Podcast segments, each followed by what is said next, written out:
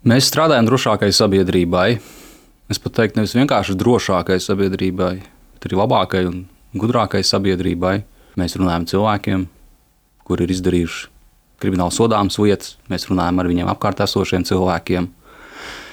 Un mēs cenšamies mūsu klientiem, cilvēkiem, kas viņiem apkārt dzīvo, palīdzēt kaut kādā veidā mainīt savu dzīvi, saskatīt kaut kādu jaunu perspektīvu, atrast jaunu ceļu, kā savas vajadzības apmierināt. Vadītāja amatā jūs esat tikai aptuveni pusotru gadu, taču iepriekš pieredze probācijas jomā jums ir ilga. Es pievienojos probācijas dienestam uzreiz pēc tam, kad biju pabeidzis studijas universitātē.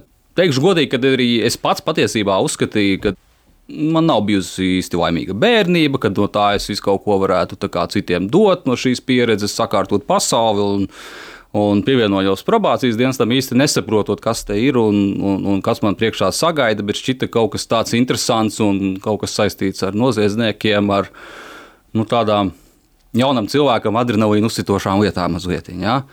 Pirmā gada laikā es diezgan ātri sapratu, ka mans priekšstats par to, kāda ir mana paša dzīve bijusi, man nav par ko sūdzēties.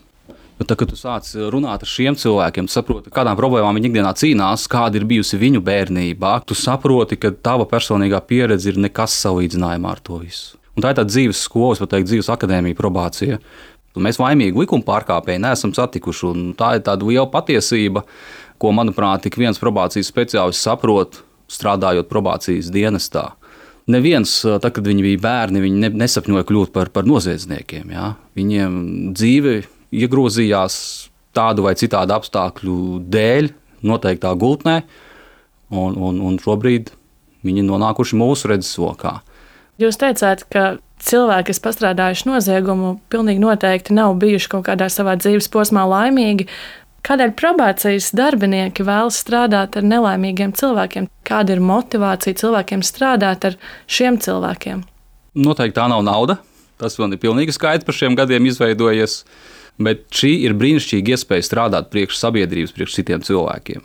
Tieši tā es arī saskatu savus kolēģus probācijas dienas, tā ka šeit mums ir pievienojušies tie cilvēki mūsu sabiedrībā, kuriem nav vienalga, kas notiek viņiem apkārt, kur grib kaut ko izdarīt tādu, kas padarīs mūsu sabiedrību, apkārtējo vidi labāku rītdienu, pēc gada, pēc trīs gadiem. Un es domāju, tā ir tāda galvenā mācība, kas man ir personīgā no šīs pieredzes probācijas dienestā, Ja cilvēks ir motivēts, viņš pats savus pārmaiņas īstenos tad, kad viņš viņām būs gatavs. Un, un šo motivāciju dienests var sniegt? Mēs palīdzam. Ne visiem mums izdodas aizrakties teikt, līdz tik dziļi, nu, ka viņi paņem pretī, bet mēs patiesi ticam, ka varbūt tās mēs mūsu darba laikā to rezultātu nesasniedzām ar viņu. Bet pēc nezinu, trīs, pieciem gadiem, kad viņš vairs nebūs mūsu klients, viņš to sarunu atcerēsies. Tūlītēji efektu nekad tas vārds pateiktais nesniedz. Ja mēs paskatāmies, kādas dienas izskatījās un kā mēs skatījāmies uz probācijas klientiem, uz savu darbu, piemēram, 2005. gads, tas radikāli atšķirās no tā, kur mēs esam šobrīd. Toreiz mēs skatījāmies vairāk tā, ka uh, mums vajadzētu kā, mācīties viņus kontrolēt spēcīgāk. Ja ir aizliegts kaut ko, tad visu iespējamo jādara, vai tāda iespēja nepieļaut, ka tā ir mūsu atbildība jā, par viņu uzvedību. Šogad gaitā mēs esam sapratuši, ka mēs darām savu darbu, mēs nevaram panākt to, ka viņi vienmēr uzvedās tā, kā mēs gribam, jo tā ir viņu uzvedība. Mēs katrs par savu uzvedību esam atbildīgi. Mūsu darbs ir palīdzēt viņiem saprast, nu, ka šāda uzvedība ir vēlama, šāda nav vēlama. Bet tas nozīmē, ka jūs šogad laikā esat palikuši iecietīgāki. Atceros, ļoti interesējāmies 2005. gadā, kad es sāku strādāt dienestā par to, kādiem pašaizsardzības paņēmieniem, ka mums varbūt tās vajag vai nevajag kaut kādus ieročus, tur gāzes balonus, tur stekus, sazina vēl kaut ko, jo viņi taču ļoti bīstami cilvēki, vai ne? Un šobrīd mēs tā nedomājam. Tas, ko mēs par šiem gadiem arī esam būtiski sapratuši un esam mainījuši savā pieejā, kad ir jāstrādā ar visu sociālo vidu un to ekosistēmu, kurā viens strādā. Ja mēs no savas puses mēģinām tādu kā karti izveidot, ja, kuri tie cilvēki, kas viņam apkārt ir, kuri vairāk ietekmē, kuri mazāk, kuri labvēlīgi, kuri nelabvēlīgi, un mēģinām to visu ņemt vērā. Pakāpeniski, noteikti tuvāko gadu laikā strādāsim pie tā, lai attīstītu savus spējas arī iedarboties uz, uz un palīdzēt šiem pārējiem cilvēkiem. Ja vide ir sabojājusi cilvēku, bet vai vide pieņem atpakaļ šo cilvēku?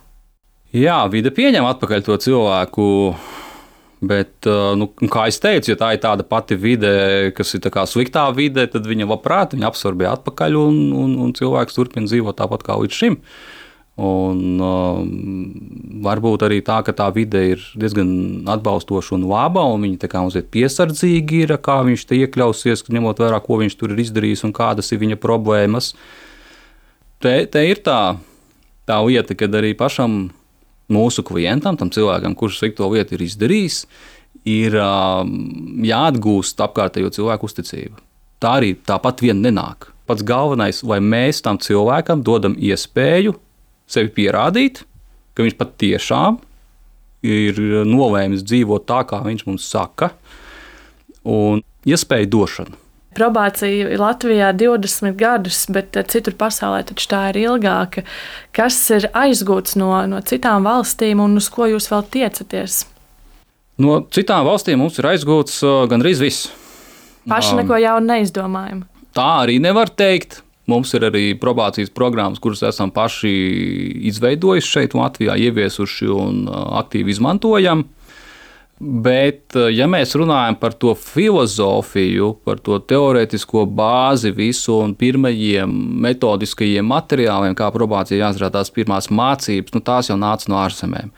Tā bija Lielbritānija, Norvēģija, Kanāda, Nīderlande, noteikti vēl kādas valsts, es aizmirsis.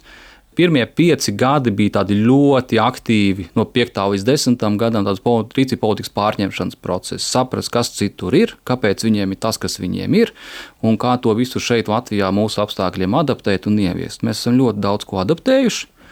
Ārzemnieks, kad paskatītos to, kas mums ir, viņš tur neatpazīst sevi, savu valsti, to, to savu pieredzi.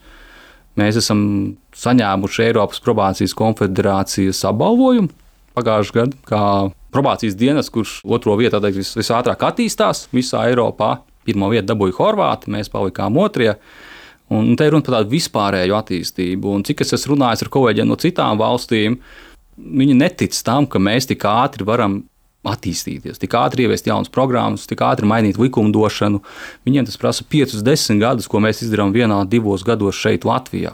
Mēs vienmēr esam bijuši šos 20 gadus pārmaiņu piepildītu organizāciju. Mēs tādu noteikti arī saglabāsim savu šo kultūru arī nākotnē. Vienmēr gribās salīdzināties ar citiem, un bieži vien gribās salīdzināties ar tuvākajām valstīm, kā mēs izskatāmies uz Lietuvas, Igaunijas fonu un varbūt vispār kopumā Eiropā. Ja cietumi visur plus mīnus ir vienādi un nu, saprotami, ja, ko viņi tur cietumos dara visās valstīs, tad probācija tā nav. Kaut kur probācija ir daļa no ieslodzījuma vietas struktūras, kaut kur nav. Pusi uz pusi Eiropā. Ja? Tas viss ietekmē gan kultūra organizācijā, gan kādas funkcijas uh, mēs uh, realizējam. Mums ļoti daudz funkcijas, ļoti daudz visādas uzraudzības kategorijas Latvijā probācijai. Principā ik viens likuma pārkāpējs tādā vai citādā veidā, agri vai vēl, nonāk probācijā. Citās valstīs nu, tas ir ļoti atšķirīgi. Kaut kur vairāk tieši uz sociālo darbu spiež, kaut kur vairāk spiež uz kontroli. Kaut kur ir uh, 100, 150 klientu uz probācijas speciālistu, mums ir 20, 30, kas ir tas labais standarts arī Eiropā.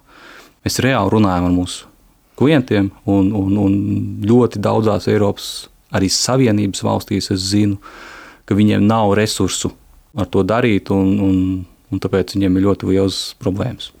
Bet noteikti viens no rādītājiem, lai varētu salīdzināties ar šī efektivitāti.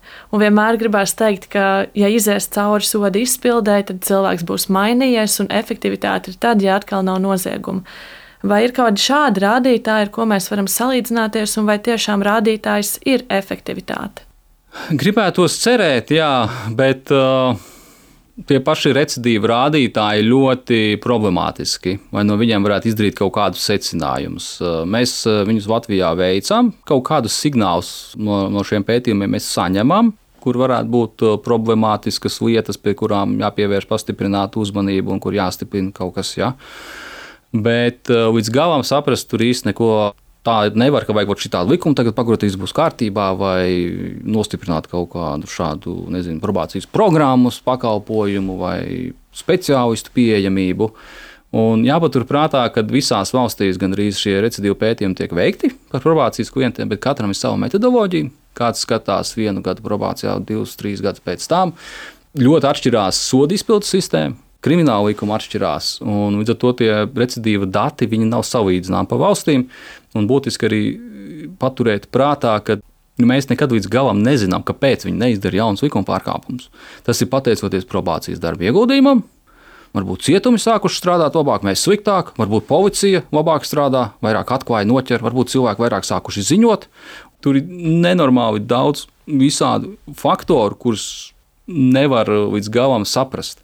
Nu, mēs cenšamies saprast, bet tas, ko mēs noteikti gribētu attīstīt, ir kaut kādu jaunu pieeju tam, nevis uz recidīvu tik daudz skatīties, bet uz to, kā cilvēks spēj sakārtot savu dzīvi.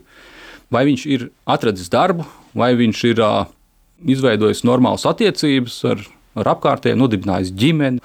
Varbūt viņš vairs nelieto atkarību izraisošas vielas un tos mērījumus darīt kaut kādu laiku pēc tam, kad esam beiguši ar viņu strādāt. Jūs jau minējāt, ka ir šeit recidīvu pētījumi un ir kaut kādas lietas, kur jūs paskatāties, ko kaut ko varētu labot. Kas ir šī brīža rādītāji, kur jums šķiet, ka ir nepieciešams eh, papildu darbs, iespējams, sarunas ar likumdevēju, kaut kāda mainība likumos? Nu, pirmā lieta, kas manu uzmanību visvairāk šobrīd ir pievērsusi, ka ir ļoti daudz mums klientu sabiedriskajos darbos. Un sabiedriskie darbi nedara visām klientu kategorijām. Daļai no šiem cilvēkiem, kuriem šobrīd ir piemēroti sabiedriskie darbi, ir vardarbīgas uzvedības problēmas vai apreibinošo vielu lietošanas problēmas. Mēs dienestā uzskatām, ka viņiem būtu piemērotāka uzraudzība, kur ir dažādas sociālo-psiholoģiskās ietekmēšanas metodes, kuras mēs izmantojam. Bet jūs noteikti to jau esat kādam teicis. Jā, mēs par to runājuši. Esam un, ar prokuroriem, ar tiesnešiem. Ir... Vai kaut kas mainās no šīm mainās. tikšanās reizēm? Nu, protams, ka mainās. Protams, tas nemainās vienas dienas laikā. Tas ir tāds ilgstošāks process, jā, kad, kad ir jārunā, jāskaidro. Vai sabiedriskie darbi kā virziens ir vienīgā lieta, par ko jūs esat aizdomājušies, kas būtu jāmaina, vai ir tomēr vēl kādas jomas? Noteikti mums būtu jāpievērš lielāka uzmanība arī darbam No bērniem, jauniešiem mums ļoti būtisks darbs ir uzsākts. Jau pagājušajā gadā pēc augšām likvidācijas ir ieviests jaunais rakstura piespiedu līdzekļu probācijas novērošana. Mēs esam jaunas ar iekšējās darba instrumentus, teiksim, tā ieviesuši ļoti jaudīgus darbam ar šo mērķa grupu. Mēs uz šo mm, jaunieti bērnu tagad lielāku uzsvaru liekam skatoties uz, uz to, kas viņā ir labs, aiz kā var aizķerties. Ļoti, ļoti daudziem no viņiem dzīvēm ir pietrūcis mīlestības. Un kāds varbūt ļoti daudz ne tikai mīlestību nav saņēmuši, bet saņēmuši tieši pretēju. Un tas viņus ir izveidojis par to, kas viņi ir šobrīd. Un tātad mums visiem, kā sabiedrībai, ir jāsniedz šīs iespējas arī probācijas klientiem. Tieši tā. Jo netiks dotas iespējas, ļoti maz kas var mainīties. Jo tie cilvēki, kur varbūt iespējas nav pelnījuši, kā mums varbūt sākotnēji šķiet, bet ja mēs viņiem tās iespējas dodam, mūsu sabiedrība no tā iegūs daudz vairāk nekā mēs varam iedomāties. Paldies jums par sarunu!